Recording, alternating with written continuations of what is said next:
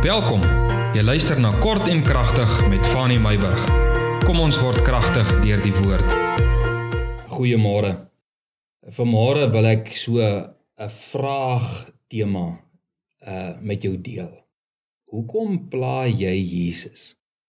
Maar voor jy nou 'n afleiding maak, kom ons werk gou-gou deur 'n verhaal. Markus 5 vers 21 tot 24 En dan lees ek verder van vers 35 tot 36. En toe Jesus weer in die skei oorgevaar het na die ander kant, het 'n groot menigte by by Jesus vergader en Jesus was by die see en daar kom een van die owerstes van die sinagoge met die naam van Jairus en toe hy hom sien, toe val hy aan sy voete neer en smeek Jesus dringend en sê asseblief Jesus my dogtertjie is op haar uiterste.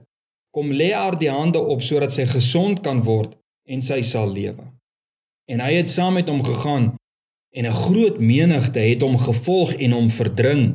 En nou gaan ek hierso net so inlas gou-gou. En hier kom die verhaal van die vrou wat in bloedvloeiing gelei het en sy was een van die wat hierdie skare gedring het en gesê het as ek net aan die soem van sy kleed sal raak dan sal ek gesond word en so het sy toe aan die soem van sy kleed geraak en wonderbaarlik gesond geword.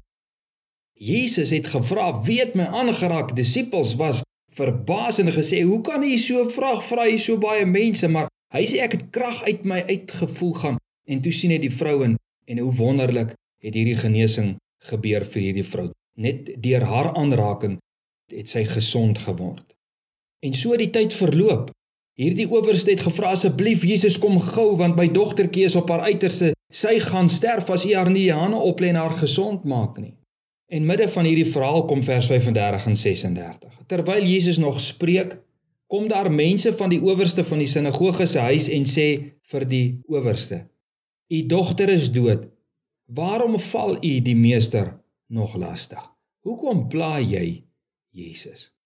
Maar dadelik, toe Jesus die woord hoor wat gespreek is, toe sê hy vir die owerste van die sinagoge: "Moenie vrees nie. Glo net." Jy weet, Daar kom tye in ons fisiese en ons geestelike lewens wat ons voel dit is verby. Het jy al so gevoel of is dit 'n simpel vraag? Ons almal, mees baie van ons het al gevoel dit is verby. Dalk nie met ons, jy weet, laat ons nog aan dood gaan nie, maar 'n situasie, dis verby. Daar kan niks meer aan hierdie saak gedoen word nie. Die donkie is dood, hy kan nie meer gery word nie. Jou gesondheid is verby, jou finansies is verby, besigheid is verby, die kinders se toestand, die omstandighede, my vrou, my man is verby.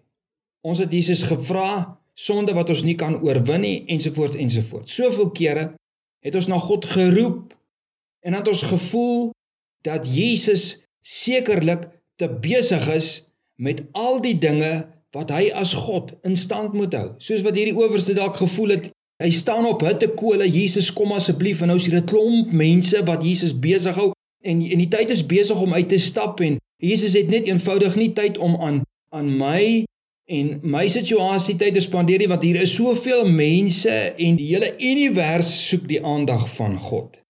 Al die mense waaraan hy as God aandag moet gee. My saak in 'n mate voel 'n mens tel nie vir God nie. My saak is dalk te gering. So het hierdie kind se uurglas uitgeloop en sy het gesterf al was Jesus geroep na hulle nood toe. 'n Pa en 'n ma se hoop is verydel.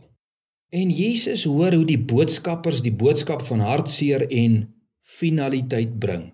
Moenie Jesus pla nie. Jou dogter het gesterf. Jesus hoor dit en Jesus sê vir hierdie hartseer pa: Moenie vrees nie, glo net. Hierdie pa se opsies het alles uitgeloop. Al wat hy gehad het om aan vas te hou, was Jesus se woorde: Moenie vrees nie, glo net. Jesus vat toe die pa en die ma en hy gaan in waar die kind lê en Jesus laat haar opstaan uit die dood. In kort opgesom. Jy weet, nie alle mense se alle gebede was beantwoord deur die eeue heen nie. En maak dit nou dat ons 'n reël kan neerlê dat God nie 'n God van sy woord is nie, dat God te besig is, God nie tyd het nie, dat my situasie te gering is en nie belangrik is nie. Maar ons kan sê op grond van God se woord gaan ek vanoggend teen my persoonlike realiteit in Jesus se woorde vat en ek gaan dit my eie maak Ek gaan nie vrees nie, maar ek gaan glo. Ek mag dalk nie nou weet wat God se wil is in hierdie saak nie, maar totdat die antwoord gekry is, sal ek nie vrees nie. Ek sal bly glo. Ek sal God vat op sy woord. Al lyk dinge nou nie reg nie. Vanmôre is hierdie woord spesifiek vir jou dalk. Hierdie woord was dalk nie vir almal nie, maar hierdie woord is dalk vir jou vanmôre. Wat sê dis verby. Maar die Here sê: Moenie vrees nie. Glo net.